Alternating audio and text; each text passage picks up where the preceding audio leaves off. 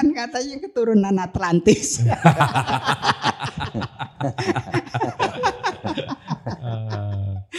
saya percaya itu, saya percaya itu.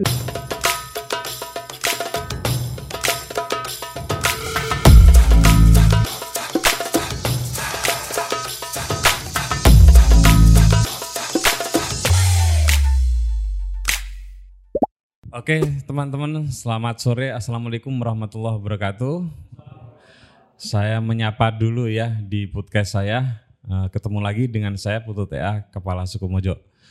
Teman-teman eh, Ini sekarang kami lagi ada di salah satu kafe yang tempatnya Blusuk ya. Saya sudah empat kali ke sini tapi tetap orang hafal jadi saya pasrah sama eh, tadi sopir yang membawa kami ke sini dan nama kafe ini adalah kafe DST. Wah, Mas Panji DST itu apa sih artinya? Eh? Oh memang dan seterusnya. Oh ya, nanti JJR DKK gitu ya. dan kawan dan seterusnya. Jadi kafe DST cari saja ini di sekitar daerah mana nih? Kasihan ya?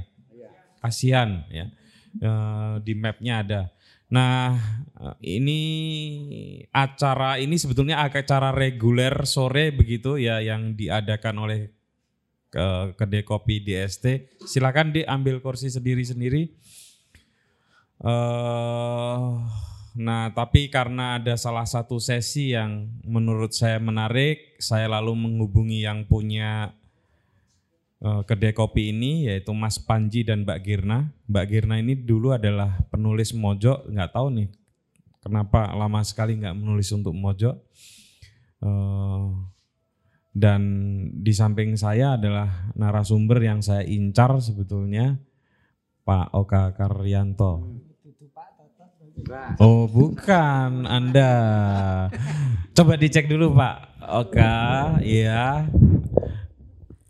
Selamat sore Pak Oke. Selamat sore, Maaf, iya ini karena bulan puasa jadi belum bisa ngopi-ngopi ngerokok-ngerokok dulu ya kita tunggu nanti. Ini semua juga lagi menunggu apa buka puasa dan Mas Toto selamat sore Mas. Sore. Saya Selamat akan di, sore. ya saya akan didampingi oleh Mas Toto untuk mendudah atau eh, apa ya mengambil hikmah dan ilmu dan pengalaman hidup dari Pak Oka Karyanto.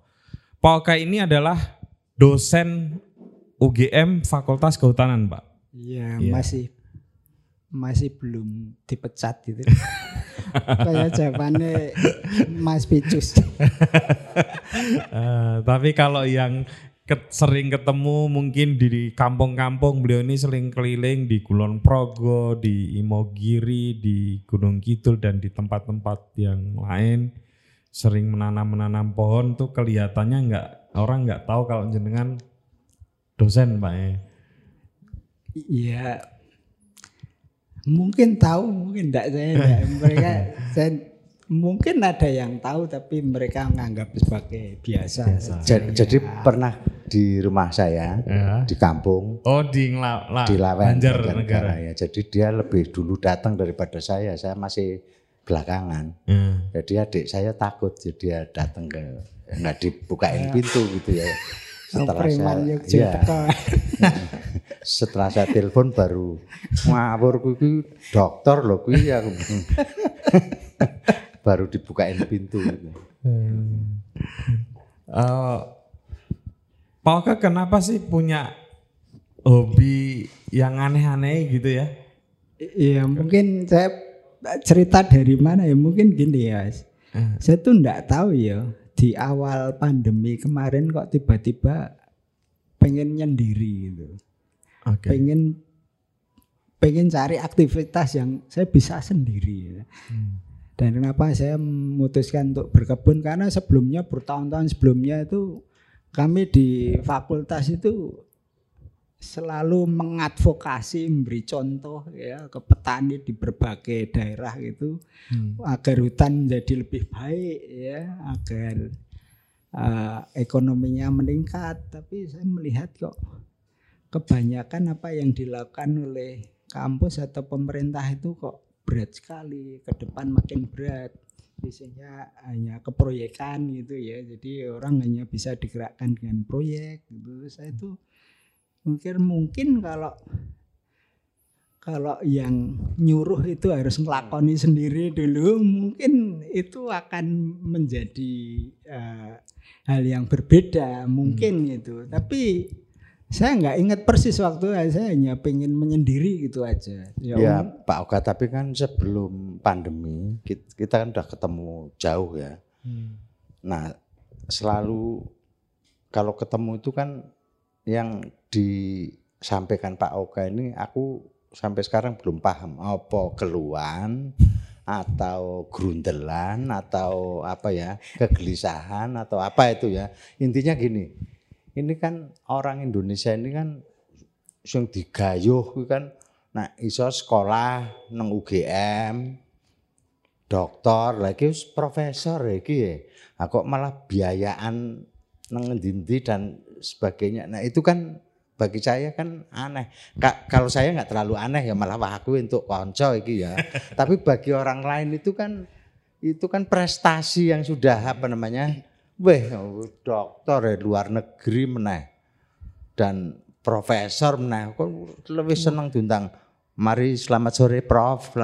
Iki ora malah biayaan.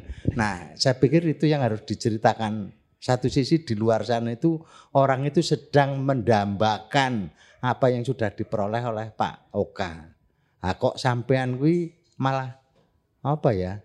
Tadi aku ora jelas gelisah, apa memberontak, apa grundel atau apa iya, itu iya, dan iya. apa yang menjadikan itu sebenarnya menurut saya. Coba saya saya coba saya jawab gini, mungkin agak panjang kalau yang ini ya Pak. Harus panjang, ya. harus panjang.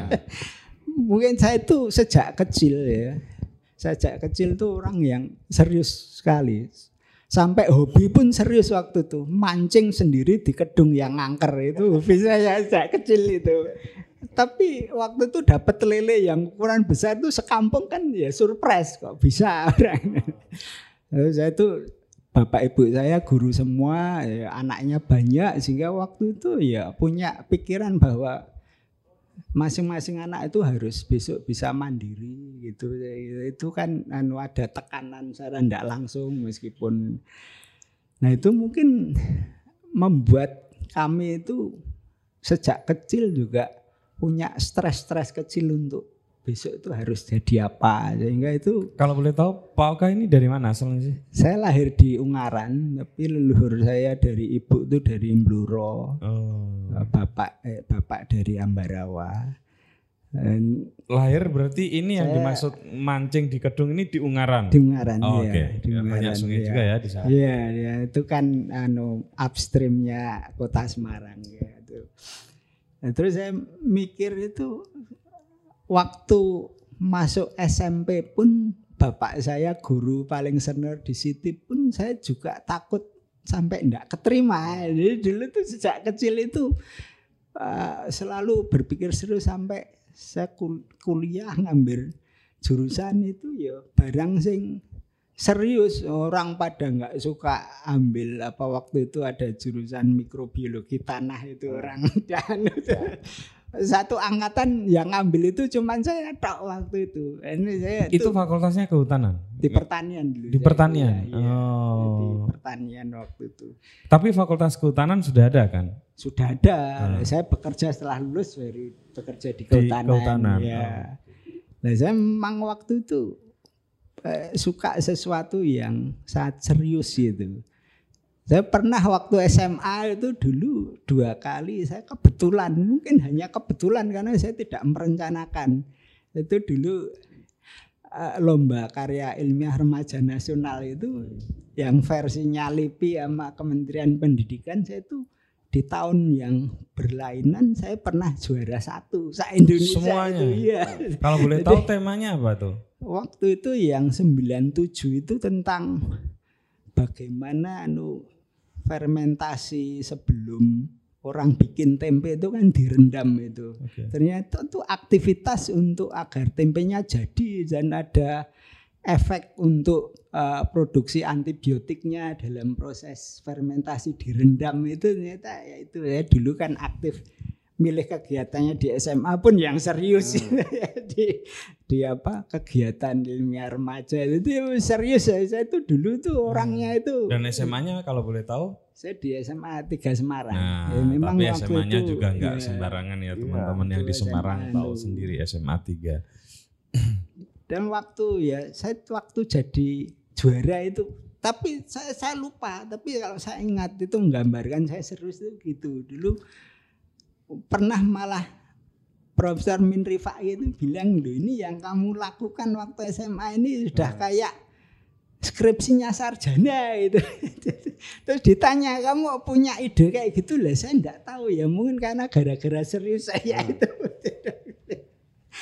Nah terus nanti ak- akan saya sambungkan kenapa berkebun. Nah, saya sampai bekerja itu saya mungkin hampir 30 tahun Mas Putut. Mas Toto bekerja sejak saya 94 masuk ke hutanan itu.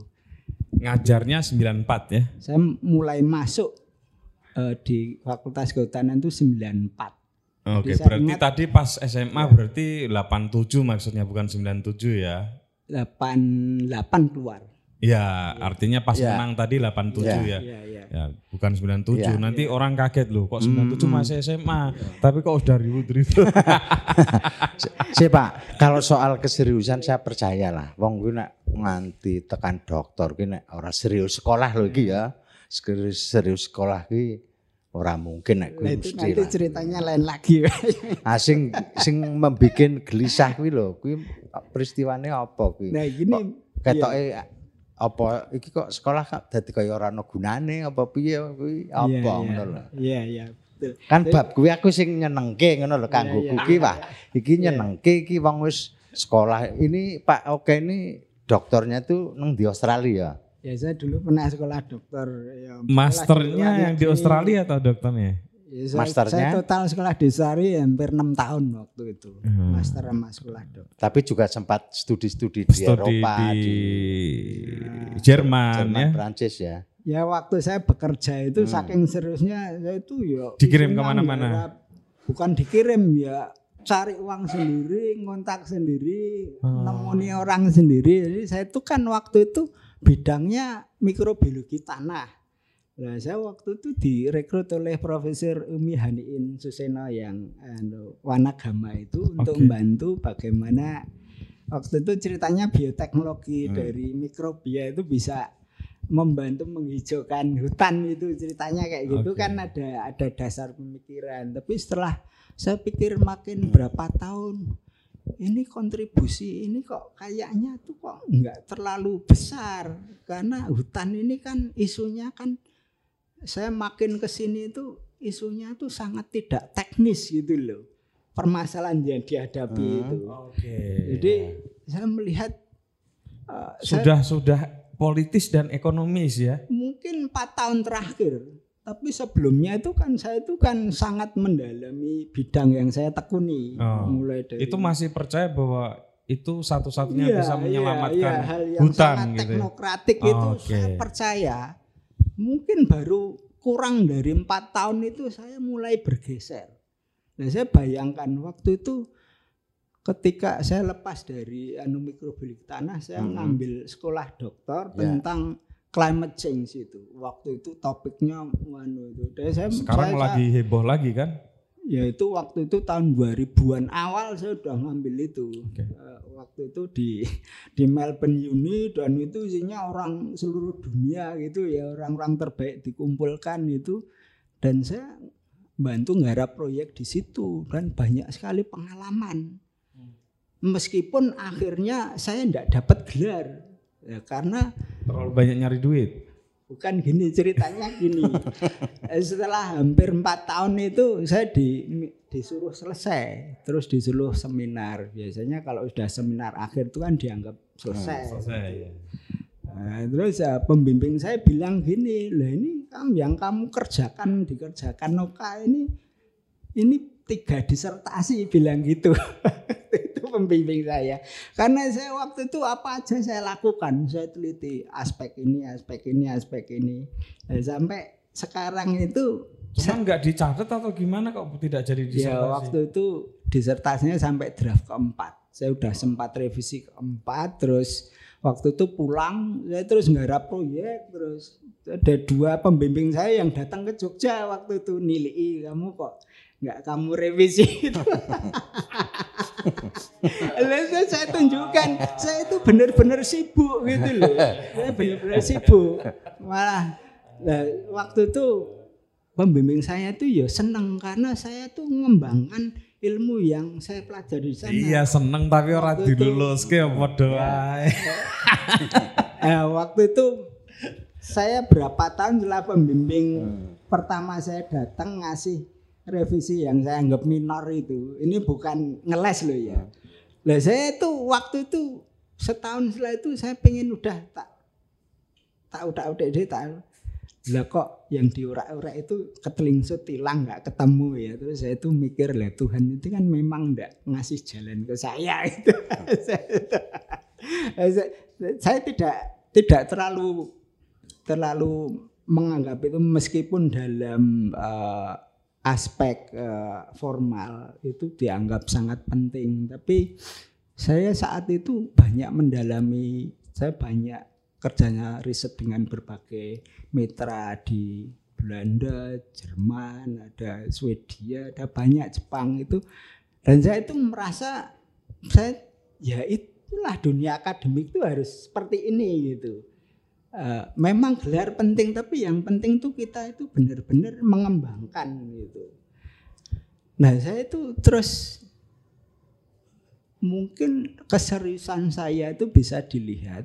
Saya itu meskipun enggak ada satupun yang jadi penulis pertama, saya itu punya tulisan jurnal di lima bidang yang berbeda dalam jurnal yang kalau sekarang tier 1 tier 1 itu eh, makom yang tertinggi itu lah karena saya itu selalu anu berinteraksi dengan bidang lain. Jadi kalau eh, ke conference internasional tahun ini saya topiknya ini tahun depan topiknya lain harus lain kita karena akhirnya saya menyadari banyak yang disampaikan oleh eh, sesepuh itu bahwa kalau melihat sesuatu itu harus secara lebih apa ya Hmm. eh, s- berbagai sudut itu.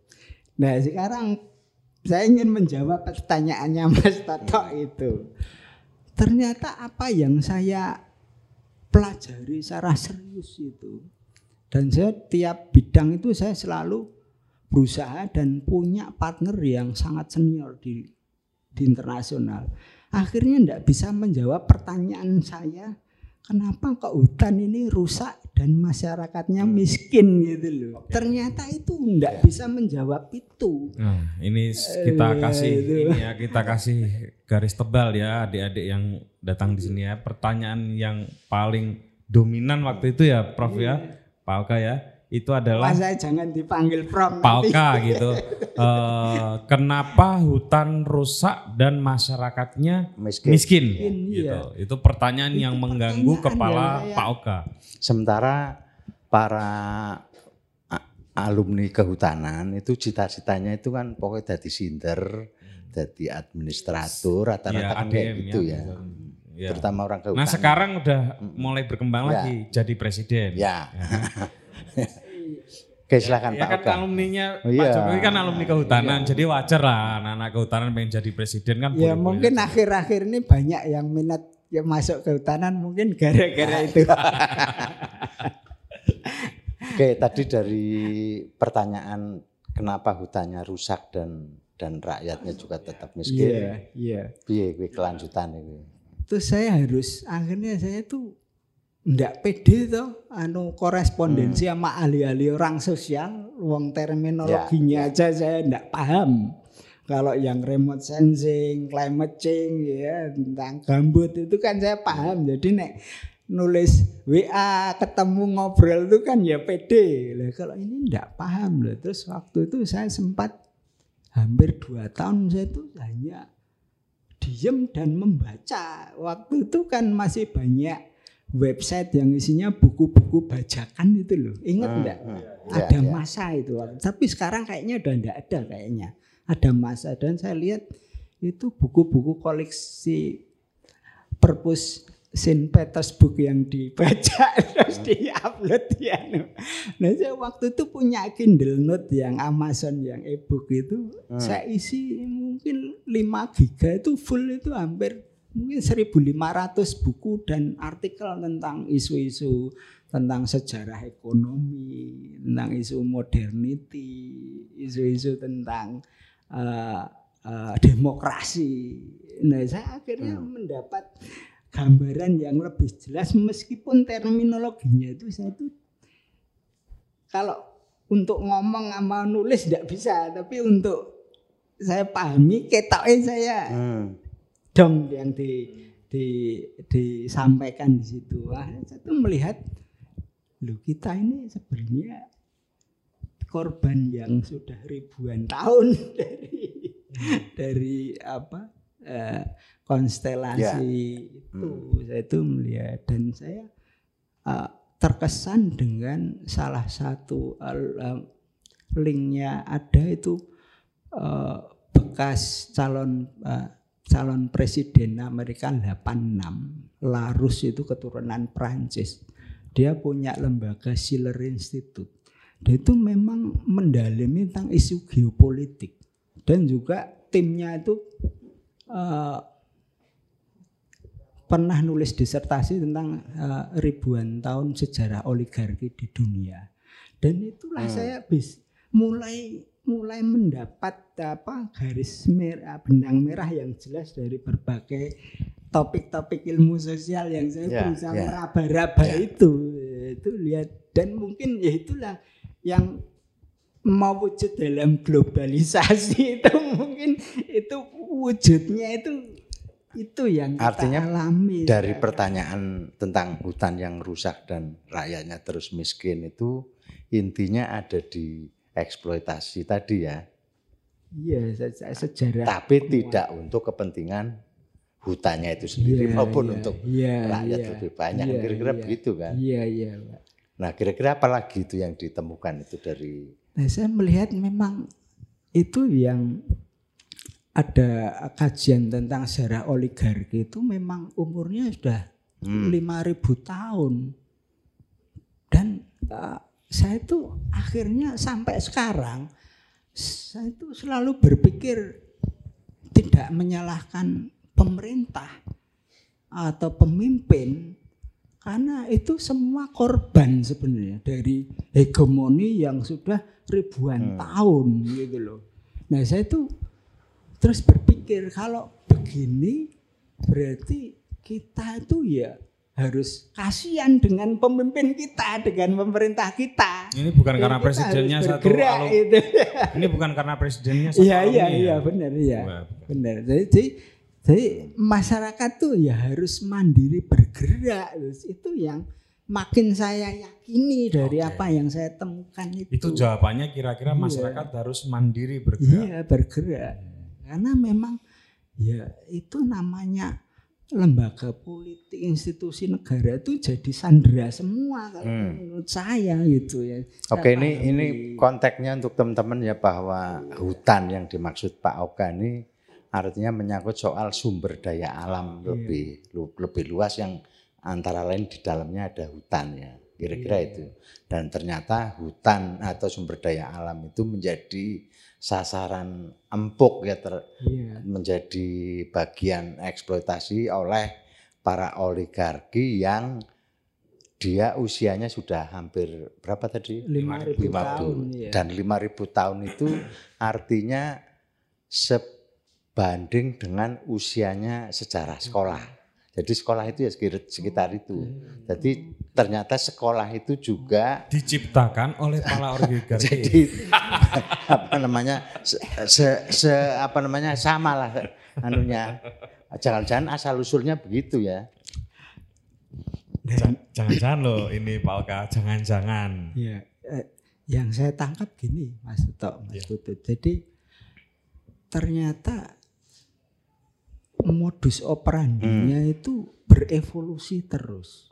Dan saya tuh berusaha mencari tahu bagaimana sebenarnya orang itu secara sukarela mau dijajah. Oh, itu kan teorinya kemudian hegemoni kan? Ya, benar. Jadi itu eh, dan saya berusaha dan itu yang terjadi dalam ya saya melihat dalam dunia profesi saya, dalam apa yang saya lihat profesi yang lain, baik pemerintah maupun yang lain. Jadi kita ini sebenarnya secara mindset itu sudah benar-benar dioprek sedemikian rupa sehingga memang ya kita akan jadi uh, uh, antek-antek yang disiplin teratur gitu. Hmm. Dan itu saya melihat memang uh, beroperasi di tataran mindset memang. Dan itu ada buku yang sangat bagus menjelaskan itu yang dikarang oleh Asis Nandi itu pemikir terkemuka di India yang masih hidup sekarang ya. Eh, Colonial of the Mind itu Jadi bukunya The Intimate uh, Enemy. Jadi musuh kita terda- terdalam itu Terdekat. sebenarnya kan mindset Ya. kita yang sudah dioprek Pikiran kita sendiri ya. Iya, Dan itu saya pernah ikut kuliah online-nya eh, sejarawan eh, India itu Profesor Vinelal ada kalau nggak salah ada 20 episode tentang itu kayaknya menarik untuk generasi kita untuk mengikuti. Eh, tentang sejarah eh, eh, India pada zaman eh, penjajahan eh, Inggris British India itu beliau menerangkan secara detail dan sistemnya tentang modus operandi bagaimana penjajahan sampai itu diterima sebagai norma yang biasa di era kemerdekaan bahkan era sekarang. Nah saya melihat kenapa kita itu perjuangan kemandirian itu memang berat. Karena memang pikiran itu sudah Dibikin tidak percaya diri lah ya. sudah iya sudah dioprek sedemikian rupa. Dan mungkin mungkin ini yang perlu saya tuh mikir ini ya, fokus bahwa apa namanya tri trisakti apa apa itu. Trisakti, trisakti itu kan ada anunya ada kemandirian, hmm. kemandirian dan apa eh, kepribadian, Kepribadian, Nah, eh, itu itu yang kebudayaan yang berkepribadian Benar kalau itu ya. gimana mendistengkel apa memisahkan dari pengaruh hegemoni itu gimana itu kayaknya yang enggak banyak Ya. dia ya. Artinya, artinya tadi kalau Pak Oka me- mengutarakan tentang ini para pemimpin atau para penguasa pun sebenarnya itu adalah bagian dari korban itu ya. Iya. Ah, kan ini kan hampir akan ada pemilu lagi besok. Hmm. Berarti kan memang kalau ukuran-ukurannya kayak gitu tuh ya memang iki diperlukan wong sing sekti mandraguna ya toh. Uteke uteke lantip dan memiliki kesaktian-kesaktian tertentu lah dalam pengertian Atau itu. jangan-jangan malah sebaliknya. atau Mas Toto. sebaliknya wis Ya sudah pasti yang jadi presiden itu nanti tetap saja tidak bisa luwal. menyelesaikan banyak hal di kehidupan kita Iya. gitu. Jangan-jangan gitu Nah kesimpulannya. itu eh, menjawab pertanyaannya Mas Toto Iya. ini, kenapa kok saya berkebun? Oke, artinya tadi apa ra- rakyatlah yang harus apa? iya kita harus Yang harus bergerak bergerak secara sendiri itu. Kenapa pilihannya adalah oke, kalau definisinya atau atau kesimpulan sementara Pak Oka adalah rakyat harus bergerak secara bergerak, mandiri ya. gitu ya. Kenapa pilihannya adalah berkebun Ya. atau menanam? Ya, mungkin sebelum Pak Oka menjawab, ini Pak Oka ini udah keliling terutama di Jawa ya. Iya. Di Prokerto dia ketemu dengan lurah yang nah dia bikin kebun apa namanya duren Duren, juga di Purworejo di di mana Jeporo di Padi dan sebagainya di mana-mana lah Ya, anunya itu. Oke. ini profesor yang banyak mengembara lah. Ya. Silahkan Pak Oka. Iya. Jadi kenapa pilihannya mungkin itu? mungkin karena konteks saya bekerja di kehutanan mungkin ada faktor itunya. Oke. Ya kan karena yang kita tangani kan ya alam bagaimana me, me- apa me- sebagai vehikelnya lah tapi kan isinya itu kan tidak harus seperti itu. Nah, saya tuh membayangkan gini. Hmm. Saya tuh membayangkan ketika saya melihat beberapa hobiis yang berhasil mengembangkan durian unggul yang itu sebenarnya hampir tidak ada peran pemerintahnya sebenarnya. Itu kan anu apa hobiis-hobiis petani yang modalnya kecil ya, mereka anu voluntarily mengembangkan itu.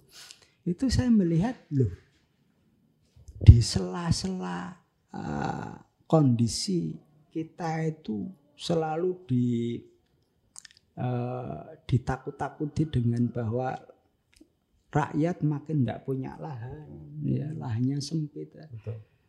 Tapi banyak peluang dengan lahan yang sempit pun hanya punya lima pohon durian kalau itu misalnya jenis bawor ya dan diopeni bener itu bisa mengalahkan penghasilan mungkin eh, satu hektar sawah setahun itu mungkin Oke. Dan itu nah, ini banyak juga ya. review itu ngomong kayak gitu. Kalau kalau menurut Pak Oka memang begitu. Iya. Dan itu kan tidak sudah sekedar, pernah dihitung ya? Tidak sekedar hitung-hitungan. Hmm. Itu namanya hobiis durian itu kan ya sudah menanam, sudah merasakan hasilnya. Nah saya waktu itu kan sempat di Menoreh itu sampai 200 kakak waktu itu. Hmm. Eh, kami anu ya waktu itu kami masih menangani berbagai program tapi ada uang-uang honor yang kami sisakan untuk menyediakan bibit itu waktu itu hampir 4000 bibit durian bawor saya coba 200 kakak di beberapa desa di Menoreh hmm. waktu itu karena yeah. saya yakin ada orang yang nanam 8 tahun di situ bagus durian bawor. Oh. Tapi saat sudah dianu petani kok hampir cuma tidak jadi saya lihat. Meskipun ya saya melihat waktu itu meskipun uh, mereka kita syaratkan harus hutannya ditebang semua agar tidak mengganggu pertumbuhan durian itu mereka mau tuh bikin lubang satu meter mereka mau jarak tanamnya 8 kali 8 mau terus bikin embung kecil mau. Jadi dari segitu waktu itu ada sesepuhnya uh, sana itu menoreh di atas waduk Sermo itu cerita, Mas kami itu terima kasih karena kalau pemerintah tuh nggak bakal berani nyuruh kami kayak gini itu. Lah saya waktu itu kalau syarat itu enggak dipenuhi bibitnya enggak saya turunkan eh, saya sendiri ngawasi itu saja hmm. anak bertiga anak buah saya dulu tapi itu pun enggak berhasil ya ada berapa titik yang bagus itu hmm. nah saya terus berpikir bahwa memang ya uh, namanya orang berjuang tuh ya memang enggak ada hentinya. Wong nyatanya ada yang bisa berarti harus nah, saya melihat memang dari segi disiplinnya, effortnya itu kurang. Dan itu tidak boleh kita salahkan. Karena selama ini masyarakat kita itu sudah bersusah payah hasilnya bagus nih harganya ya jelek jadi mereka itu uh, dididik dengan sejarah panjang yang ya. seperti itu ya. gitu. jadi saya itu ya memaklumi gitu itu juga menunjukkan bahwa petani itu juga investasinya besar loh Pak ya. Habis dari sisi, dari habis sisi dari sisi uang, energi ya. maupun pikiran ya. Dan saya sebagai pegawai negeri saya nggak kuat untuk kayak gitu. Hmm. Kalau saya tiba-tiba bulan depan tidak ada gaji ya saya tidak bisa hidup. Hmm. Saya tidak bisa bertahan hidup. Hmm. Kalau mereka gagal panen satu dua kali masih bisa hidup. Nah, itu apa Pak Oka yang membuat petani kok sedemikian punya daya hidup yang luar biasa petani kita ini. Kan misalnya tadi ya, udah nanam investasi gagal karena wereng, nanam lagi investasi harga jatuh kan variabel penggagalnya macam-macam ya Pak ya. Saya kok dibalik cerita sedih tentang petani itu saya justru melihat sebenarnya mereka tuh baik-baik saja hmm. sebenarnya. Iya. Karena mereka itu udah mungkin ribuan tahun dididik alam hmm. dengan ketidakpastian dan mereka banyak sumber apa uh, diversifikasi oh, okay. tanaman, diversifikasi usaha itu ilmu ekonomi orang kampus itu enggak sangat sangat artinya mereka juga itu. memakai ilmu manajemen juga itu luar biasa ya, betul. tapi pada saat mereka anaknya beranjak besar dan harus punya sepeda ya. motor, laptop. Nah, terus saat saya, saya mulai mulai sedikit Berubah, percaya ya? bahwa ini sekolah ini kok malah memiskinkan masyarakat kita hmm. gitu loh. Saya itu melihat itu. Karena semua harus lewat jalur sekolah formal dan harus kuliah. Ya. Nah, saya malah lebih ekstrim lagi melihat kok anak-anak di desa mungkin ya di kota itu ada rasa marah kenapa saya harus dilahirkan di dunia yang Hmm. tidak sebegitu beruntung ini Hmm. sehingga bapak ibu saya harus ikut tanggung jawab seolah-olah saya tuh melihat fenomena kayak gitu tuh mulai karena hidup tuh makin tidak pasti Ya, Iya, sekarang ada itu. ada saya pernah menulis artikel pendek ya berdasarkan beberapa pengamatan ya, bukan riset yang terlalu serius ya Pak Oka. Eh, ada kecenderungan memang kelas menengah di Indonesia, terutama yang di pedesaan itu memiskinkan desanya. Jadi orang tuanya ketika mau sekolah S1 misalnya mesti menjual apa sapi Ya, asetnya gitu lah. ya. Nanti kalau mau jadi tentara atau jadi polisi atau jadi apa gitu ya adik-adik di sini mungkin ada yang dari desa nanti menjual sawah, menikahkan nanti menjual lagi sawahnya. Itu Pak sampai yang saya amati ketika anak-anak kelas menengah ini punya uang sendiri mau membeli rumah di kota mereka minta menjual aset orang tuanya di desa. itu yang banyak saya temui di Betul kan? mana-mana iya Nah, benar-benar saya temui ya ini ya. benar-benar saya temui saya. kalau itu Walhasil yang terjadi di kampung adalah eh, pemiskinan iya yang Iya, justru dibikin oleh orang-orang terdidik ini. Ya mungkin bukan orang ya itu sistem yang kita yakini bersama Oke, ya gitu. setuju. itu setuju. sistem yang kita yakini bersama Ya. ternyata terma- ternyata saya melihat memang ya memang sekarang kan ke arah vokasi sekolah Hmm. terampil tapi itu ya menurut saya masih ada tanda tanya karena tanpa ada yang mempekerjakan seolah-olah mereka itu ya tidak bisa mandiri gitu loh seolah-olah kita itu selalu ya tergantung. Jadi mungkin saya tuh makin meyakini kemandirian tuh di- tidak di level bangsa kok. Di level individu sebenarnya ya. Hmm. kemandirian tuh. Eh, itu mungkin yang saya melihat.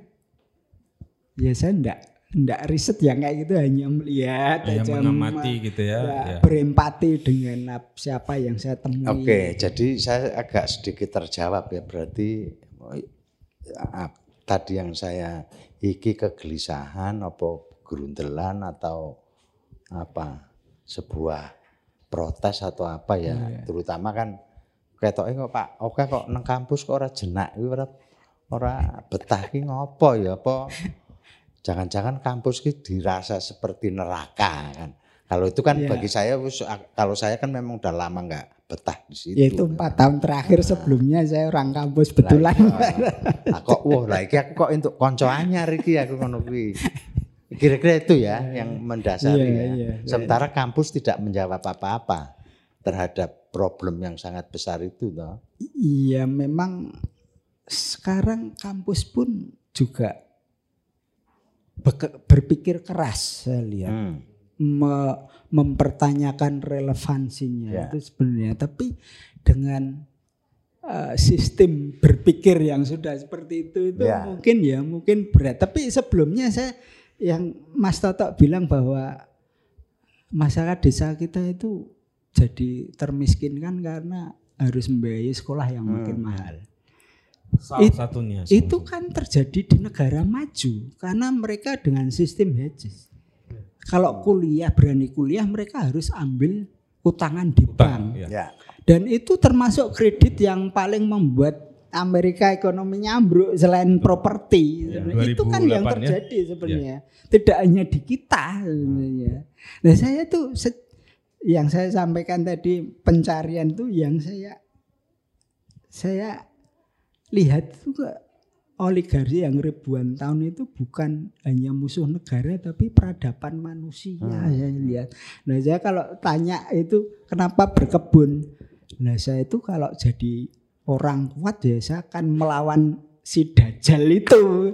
Tapi karena saya itu ya bukan siapa-siapa ya sadermo yang bisa tak lakoni itu saya itu hanya berpikir. Tapi dari situ kan saya berharap nanti bisa jadi pembelajaran, bisa nurturing orang-orang yang akan membangun kemandiriannya, entah itu kalau saya masih hidup itu saya itu bercita-cita setelah itu jadi modal untuk generasi berkembang gitu. Saya itu berpikir uh, Hmm. mereka akan Ya. ya memang butuh butuh materi yang saya lihat loh saya itu kok bekerja di kampus tuh kok tiap melakukan apa kok selalu butuh cash. Hmm. Nah, itu menjadi kerisauan saya. Karena sepanjang karir saya itu kerjanya hanya kok hanya nulis lapo proposal lama laporan pertanggungjawaban ya, sedikit ke lapangan terus eh, punya beberapa yang orang yang bantu itu. Jadi habis energinya hanya untuk mencari support gitu loh. It- nah makin lama juga namanya funding itu ya makin tidak ramah menurut saya mereka itu ya makin disiplin makin punya agenda sendiri agenda bukan makin punya agenda sendiri. Agenda intinya makin jelas. Eh, makin disiplin itu ya saya lihat eh, itu saya kok terus ruang geraknya kok enggak banyak saya Ya, melihat makanya kalau di Indonesia yang menjadi sasaran ya BUMN itu jadi Iya. sasaran tadi karena kebutuhan cash tadi kan. Entah jadi apalah entah. Pokoknya jadi rayahan di situ. Iya. Karena sebenarnya juga dalam rangka untuk membiayai membiayai tadi kebutuhan cashnya itu. Iya. Ya memang cash Iya. itu akhirnya tetap penting meskipun enggak banyak. Hmm. Apalagi Saya dalam lihat. politik ya, cash Iya. itu penting. Iya.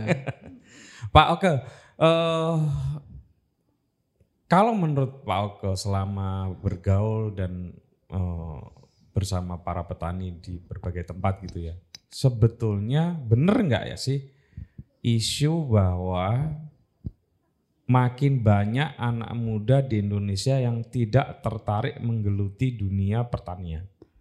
Ya saya melihat memang ya kalau pertanian yang dipikirkan itu mm, anu produksi beras, cabai, berambang itu memang sulit bagi anak muda untuk tertarik karena itu benar-benar eh, gambling yang luar biasa. Dan ya. untungnya tipis banget ya. Ya apalagi gamblingnya padi ya. itu, gamblingnya itu. Tapi kalau saya melihat ya saya tuh belajar itu lewat apa saja, termasuk YouTube, Facebook lah. Itu kebetulan komunitas petani buah itu memang ya mereka tidak menyebut sebagai gerakan, tapi ngelakoni semua dengan upayanya, kemampuannya masing-masing. Yang dimaksud misalnya anggur, durian. Iya, gitu ya. anggur, durian, apokat, macam-macam lah.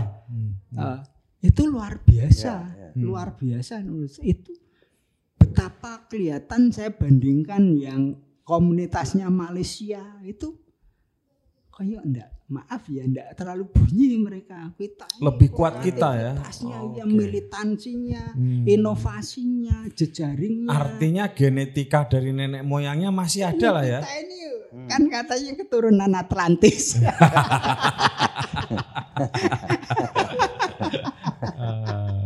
Nah, saya percaya itu, saya percaya itu. Lah itu namanya jeep-jeep yang ke menoreh kan ke lereng Merapi itu kan bikinan bengkel orang situ kayak Iya, ini. iya, iya. Oke, implika apa indikasi atau apa ya yang diamati Pak Oka ya entah melalui YouTube atau apa, terutama yang kaitannya dengan anak muda ya Iya. dalam konteks kehidupan yang alternatif ya tadi eh, kalau ngomong pertanian itu ya bukan yang kaitannya dengan padi dengan Bukan pangan Nah, ya. Iya. bukan pangan ya.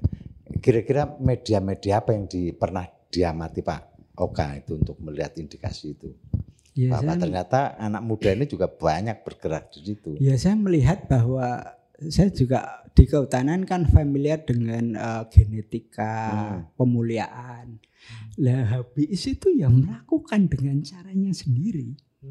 Dan itu valid menurut Hmm. saya karena dengan eh, yang dianggap satu jenis unggul lokal itu dicoba di banyak tempat ya terbukti meskipun desain statistiknya itu ya ya benar-benar eh, kampus tidak akan nerima seperti itu. Terus metode perbanyakan kalau kita melihat betapa banyaknya penangkar bibit buah unggul yang okulasi. Ya. Itu kan keajaiban. Ya. Saya pernah lihat di eh, Kemeranjen itu yang pusatnya bibit durian bawor. Itu kan Meranjan itu daerah Purwokerto ya. ya sebelum Purwokerto. Itu kan terus tiap rumah itu membibitkan.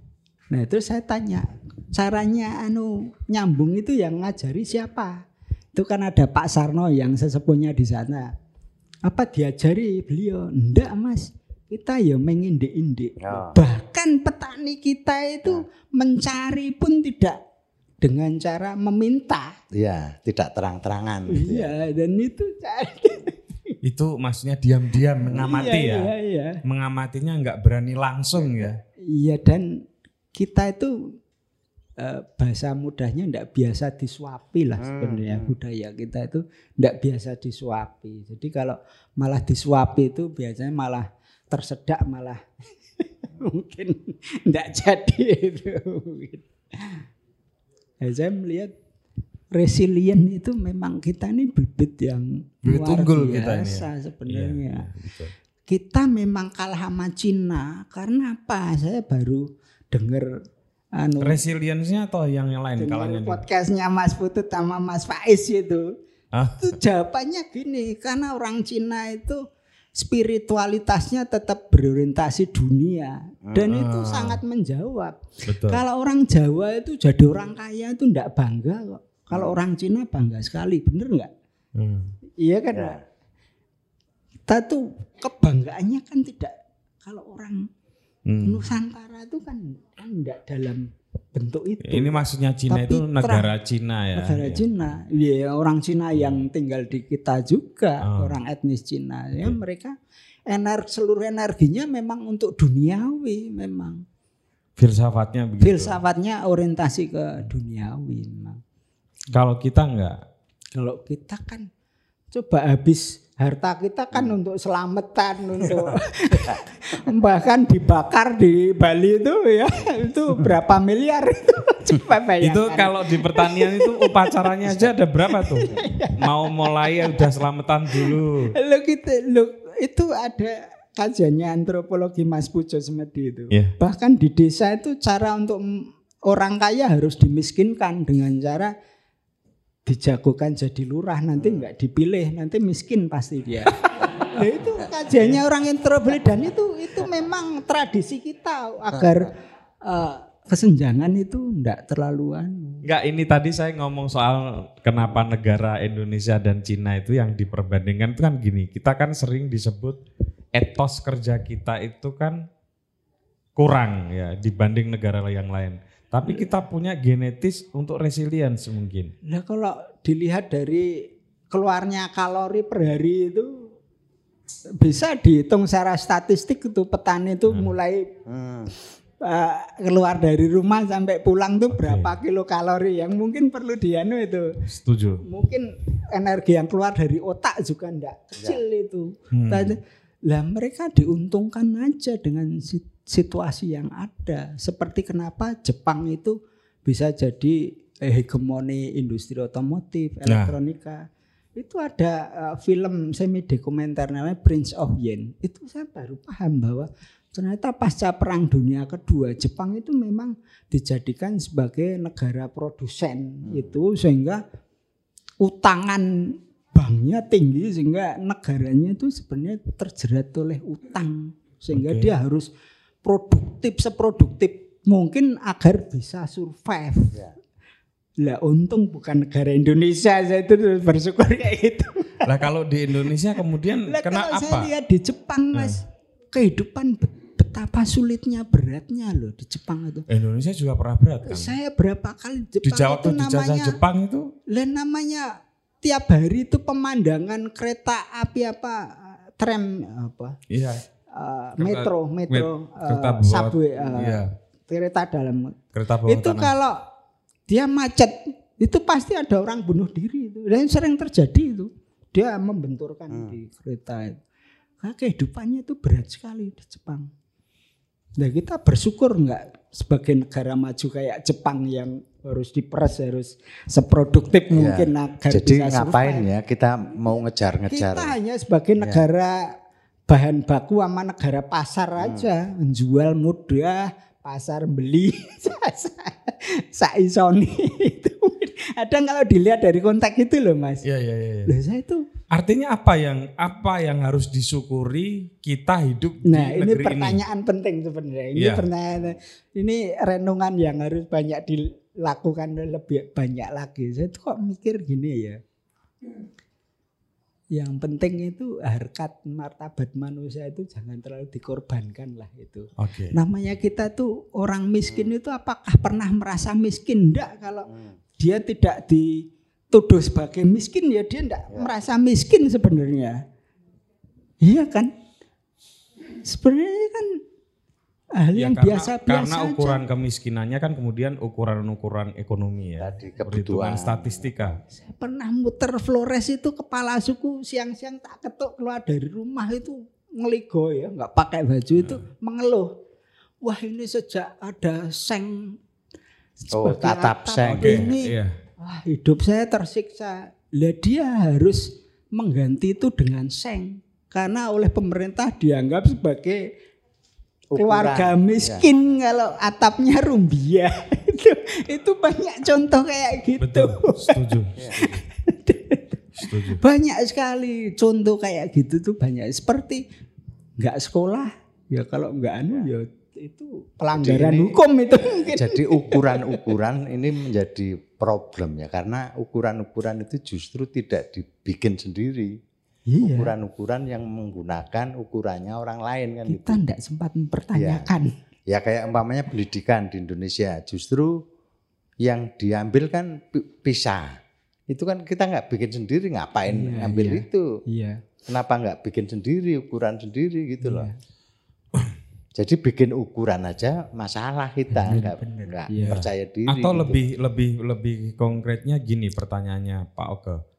Eh, perlukah pemerintah melakukan bantuan-bantuan langsung kepada yang disebut sebagai orang miskin itu? Karena misalnya dulu itu ada perdebatan di beberapa orang yang saya anggap punya kepedulian ya. Bantuan beras terhadap Ya. orang miskin itu dianggap penghinaan itu. Karena mestinya mestinya petani kita itu bisa memproduksi beras-beras yang terbaik yang nggak perlu Ya. berasnya itu yang wes atos dan lain macam- macam-macam itu. Saya itu ya sejak pandemi itu rasanya udah sudah enggak enggak berharap lagi lah sama sama bagaimana pemerintah kita bisa mengantarkan karena memang eh, mindset itu memang ya memang enggak pernah dipertanyakan. Coba kalau bantuan yang ratusan triliun pas pandemi itu untuk membuat komunitas kita itu makin erat, makin bisa mandiri. Tidak sekarang kan cash atau beras anu. Jadi malah jadi konsumtif ya. Memang Bantuan- kalau yang uang tujuannya supaya konsumtif, supaya terjadi perputaran uang kan. Ya tapi kan dalam sistem produksi dalam untuk membuat erat itu kan bisa didesain gitu lah. Sekarang kan malah Pak RT dimusuhi di kampung-kampung. Ini kok dapat ini Betul. ini. ini Akhirnya kan ya barang fitnah malah. apa gitu Lah ya iya benar, lah, tetangga saya seneng lah sak keluarga dapat satu-satu padahal kiosnya satu, anaknya satu, anaknya satu lagi satu. Lah lainnya kan ya mau ngangkat parang enggak bisa wong itu udah anu, pemerintah. Lah kan yang terjadi seperti itu. Betul.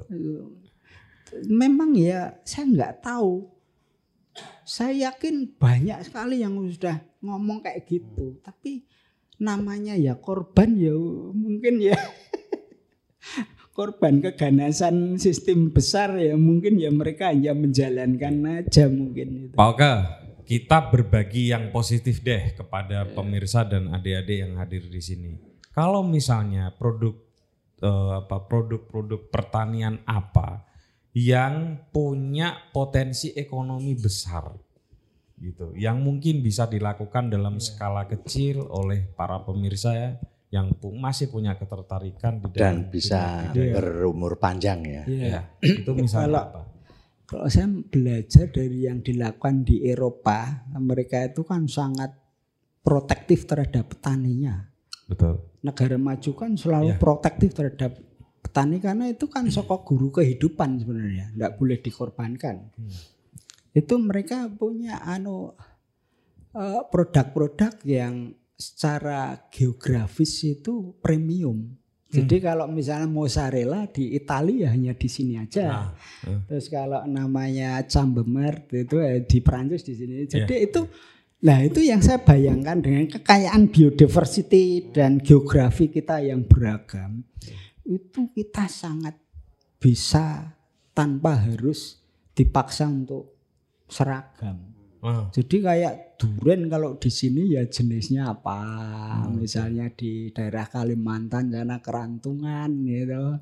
Mungkin di Kemeranjen Bawor, mungkin di di Jeporo Petro, Petro, mungkin anu ya nanti yang kelas untuk konsumsi apa lebih lebih apa lebih anu yang yang durian yang generik mungkin musangking bawor gitu. Artinya Tapi yang- durian punya masa depan yang baik. ya? itu sebagai contoh, aja Contoh, kan ya. banyak mas kayak banyak sebenarnya kayak di Jogja itu kan ya kalau kita lihat kan banyak sekali sehingga kalau saya melihat ya nggak begitu setuju kalau Soeharto itu punya cabang di Jakarta di Pontianak di anu ya kalau mereka anu ya harus ke sini gitu Hmm.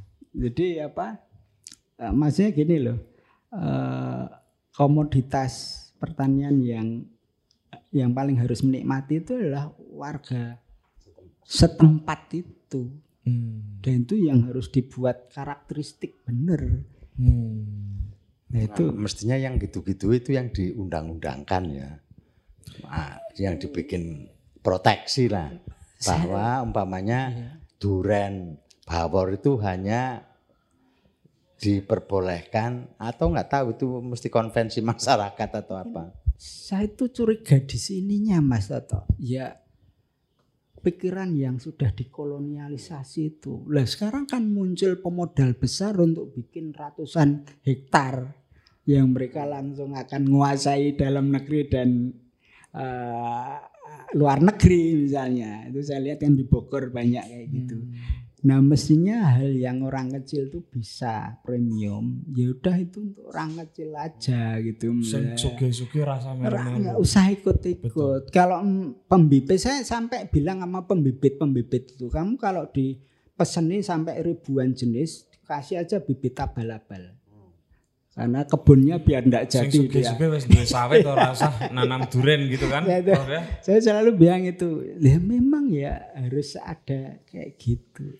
Kalau alpukat gimana, Pak? Oke. Itu luar biasa karena FAO kan sudah me- memproklamirkan sebagai food of the future itu. Food of the future. itu Iya, betul. apokat tuh dan selama ini kan hanya didominasi oleh Meksiko itu produsen apokat dunia. Padahal kita secara Wah kita nomor lima se- sedunia dan itu jenisnya macamnya tiap daerah punya yang unggul. Dan kualitas kita juga bagus. Kita punya standar kualitas yang berbeda. Kalau yang di pasar dunia itu lebih ke minyak kandungan minyak. Oke. Mungkin kita di ketebalan, rasa manis, Rasa manis. ya, terus uh, apa uh, ukuran-ukuran yang enggak harus sama dengan balik lagi Oh. ukuran-ukuran yang berbeda.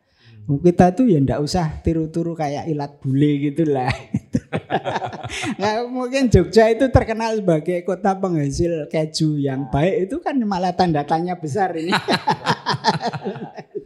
Meskipun itu kreativitas, loh Ya, kita ya. itu suruh ngapa aja bisa loh. Oh, bisa. Kita suruh ngapa aja bisa orang kita ini. Kalau pisang, Pak. Nah, saya melihat eh, jang, buah untuk yang unik-unik itu feeling saya jangan yang terlalu kadar gulanya tinggi karena Ah. itu kan eh, saya melihat kadar gula tinggi dan mudah diproduksi massal dan Oh. gitu. Oke. Itu kan berapa jenis buah itu kan memang unik ya setahun sekali. ya. Hmm.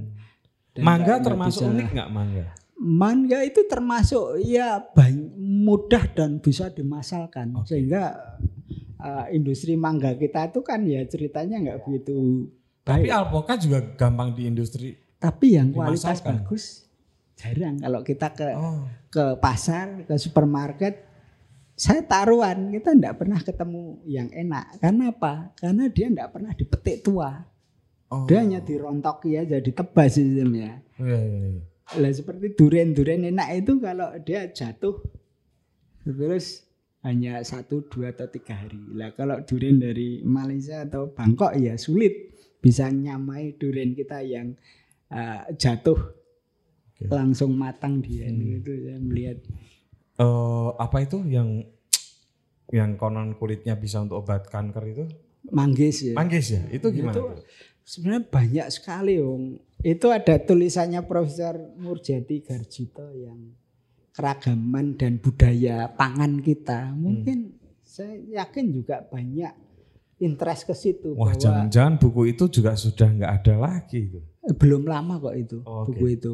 Eh, Bu Murjati masih hidup ya, kayak. Hmm. Dan itu beliau menggambarkan bahwa pangan di kita itu lokal dan musiman.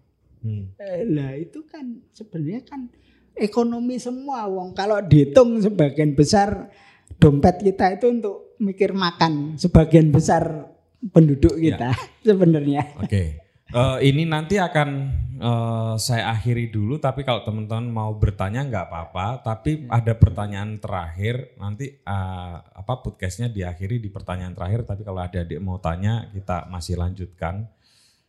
Prof, eh, kalau nggak mau dia panggil Prof, sana, Pak Oka. saya bukan prof memang Itu tadi soal komoditas buah-buahan ya. Tapi bagaimana dengan persoalan pangan kita ke depan ini? Kalau misalnya beras makin tidak menguntungkan bagi petani dan yang lain-lain itu terjadi. ya kita ini sebenarnya negara surga mas Jadi saya tuh belum lama kan eh, program saya mengembangkan sagu sebagai pangan modern Dan waktu itu kami sudah bikin beberapa pabrik tepung sagu dengan teknologinya masyarakat. Tidak ada teknologi luar di Riau sana. Dan kualitasnya premium, full organik. Dan kita bikin, saya punya chef waktu itu bisa bikin cookies, biskuit, eh, beras, mie, spaghetti, macam-macam. Sampai waktu itu ada konsultan bisnis saya ditanya ini misinya kayak apa? Misi saya nyanyi Indofood tapi ini sagu bukan gandum. Saya bilang gitu. Oke, oke. tapi produknya sudah kita bikin Oh, prototipenya tuh Oke. kenapa sagu tidak berkembang? Karena mengolahnya itu sulit. Dia tuh punya sifat kimia karbohidrat yang sulit diolah.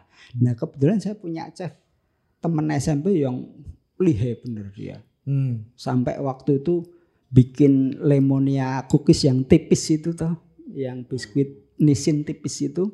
Itu sampai dua tahun baru dapat karena saya memaksa itu harus pakai lemon asli bukan essence Ya. Nah, itu waktu itu sampai segitunya Artinya sagu bisa jadi tanaman pangan masa depan kita. exactly salah satunya itu di sana tuh di Riau Papua itu kan sekali Ya. tanam tuh sampai kiamat dia hanya beranak pinak mas Tapi mereka yang ada di sana kan juga mulai terbiasa lagi makan Lah ya tapi beras, itu kan itu kan per- eh, program-program konyol yang sebenarnya kita tahu persis itu keliru Ya, sebenarnya. di satu sisi kita tahu bahwa sagu itu bisa menjadi salah satu sumber penyelamat pangan kita, tapi para pengonsumsi sagu yang utama justru sudah mulai terbiasa untuk mengonsumsi itu memang, beras. Memang saya nggak tahu. Itu kan Kongres Sagu Dunia itu udah lama sekali dan Indonesia itu pelaku utamanya. Tapi ya sering kali yang mereka pikirkan itu bahkan tidak menjawab pertanyaan dasarnya sering kali itu kayak gitu. Nah, pemerintah ya balik lagi ya korban namanya program beras ya harus di disukseskan di semua. Eh, karena utang ini udah turun ya harus jadi sawah di mana-mana. Kalau lokasinya kebun sagu ya harus di mungkin itu mas tidak hanya sagu di menoreh itu tempatnya itu loh umbi-umbi. Umbi-umbi Iya. yang tidak dijual tuh nggak laku loh. Ini prebiotik luar biasa. gitu. Gembili gitu itu ya apa bukan kimpul yang Kimpul, yang kim- sangat enggak laku di. Kalau Gembili masih mahal mas. Hmm. Itu banyak sekali di kita itu banyak sekali. Saya tuh heran kok kita tuh punya masalah pangan itu ya gitu. Ya mungkin apa yang disampaikan selama ini Mas Toto ini salahnya pendidikan itu ya saya itu membuktikan dengan mata kepala saya itu di apa yang saya lihat itu memang itu ya. Kalau pesennya Pak Oka kepada adik-adik ini yang datang untuk menyimak ini apa? Terakhir deh. Iya. Sing anu loh yang yang agak konkret loh nih Pak. Iya, yang Karena dari pengalaman Pak Oka sekolah dari Ungaran sampai Iya. Jogja sampai Australia dan sebagainya. Ya kalau singkat itu ya ya mumpung bulan Ramadan kan bahasanya harus rodok syar'i gitu ini ya toh. Ya ya tauhid kita harus kita perbarui. Ah, Tauhid itu kan bahwa kita meyakini bahwa ketergantungan kita hanya kepada Tuhan ya kan. Kalau sampai kita itu tergantung selain Tuhan itu kan kemusyrikan yang luar biasa meskipun kita hafal Al-Qur'an menurut saya itu. Dan Buya Sakur itu ya, saya itu kan pengagumnya Buya Sakur. iya. Itu pilar agama Islam itu ada dua, percaya pada hal yang gaib sama sholat. Hal gaib itu ternyata saya cocok dengan disampaikan Buya Sakur. Itulah yang yang abstrak, cita-cita. Karena itu Imajinasi. gaib, imajinasi. Gagasan tentang masyarakat itu seperti apa. Oke. Lah sholat itu bukti konkretnya makanya al maun itu celakalah orang yang sholat kalau anak fakir telantar buktinya itu. Wah. lu itu bulan sakur yang bilang lu itu agama sesungguhnya seperti itu. Jadi Iya, orang tuh selalu punya gagasan dan punya konkretnya itu Iya, iya, iya. itu mungkin rek anu saya meracau serak karuan. Gitu. maaf. Oke teman-teman yang di podcast dulu saya akhiri dulu ya teman-teman. Sampai ketemu dengan tamu saya selanjutnya.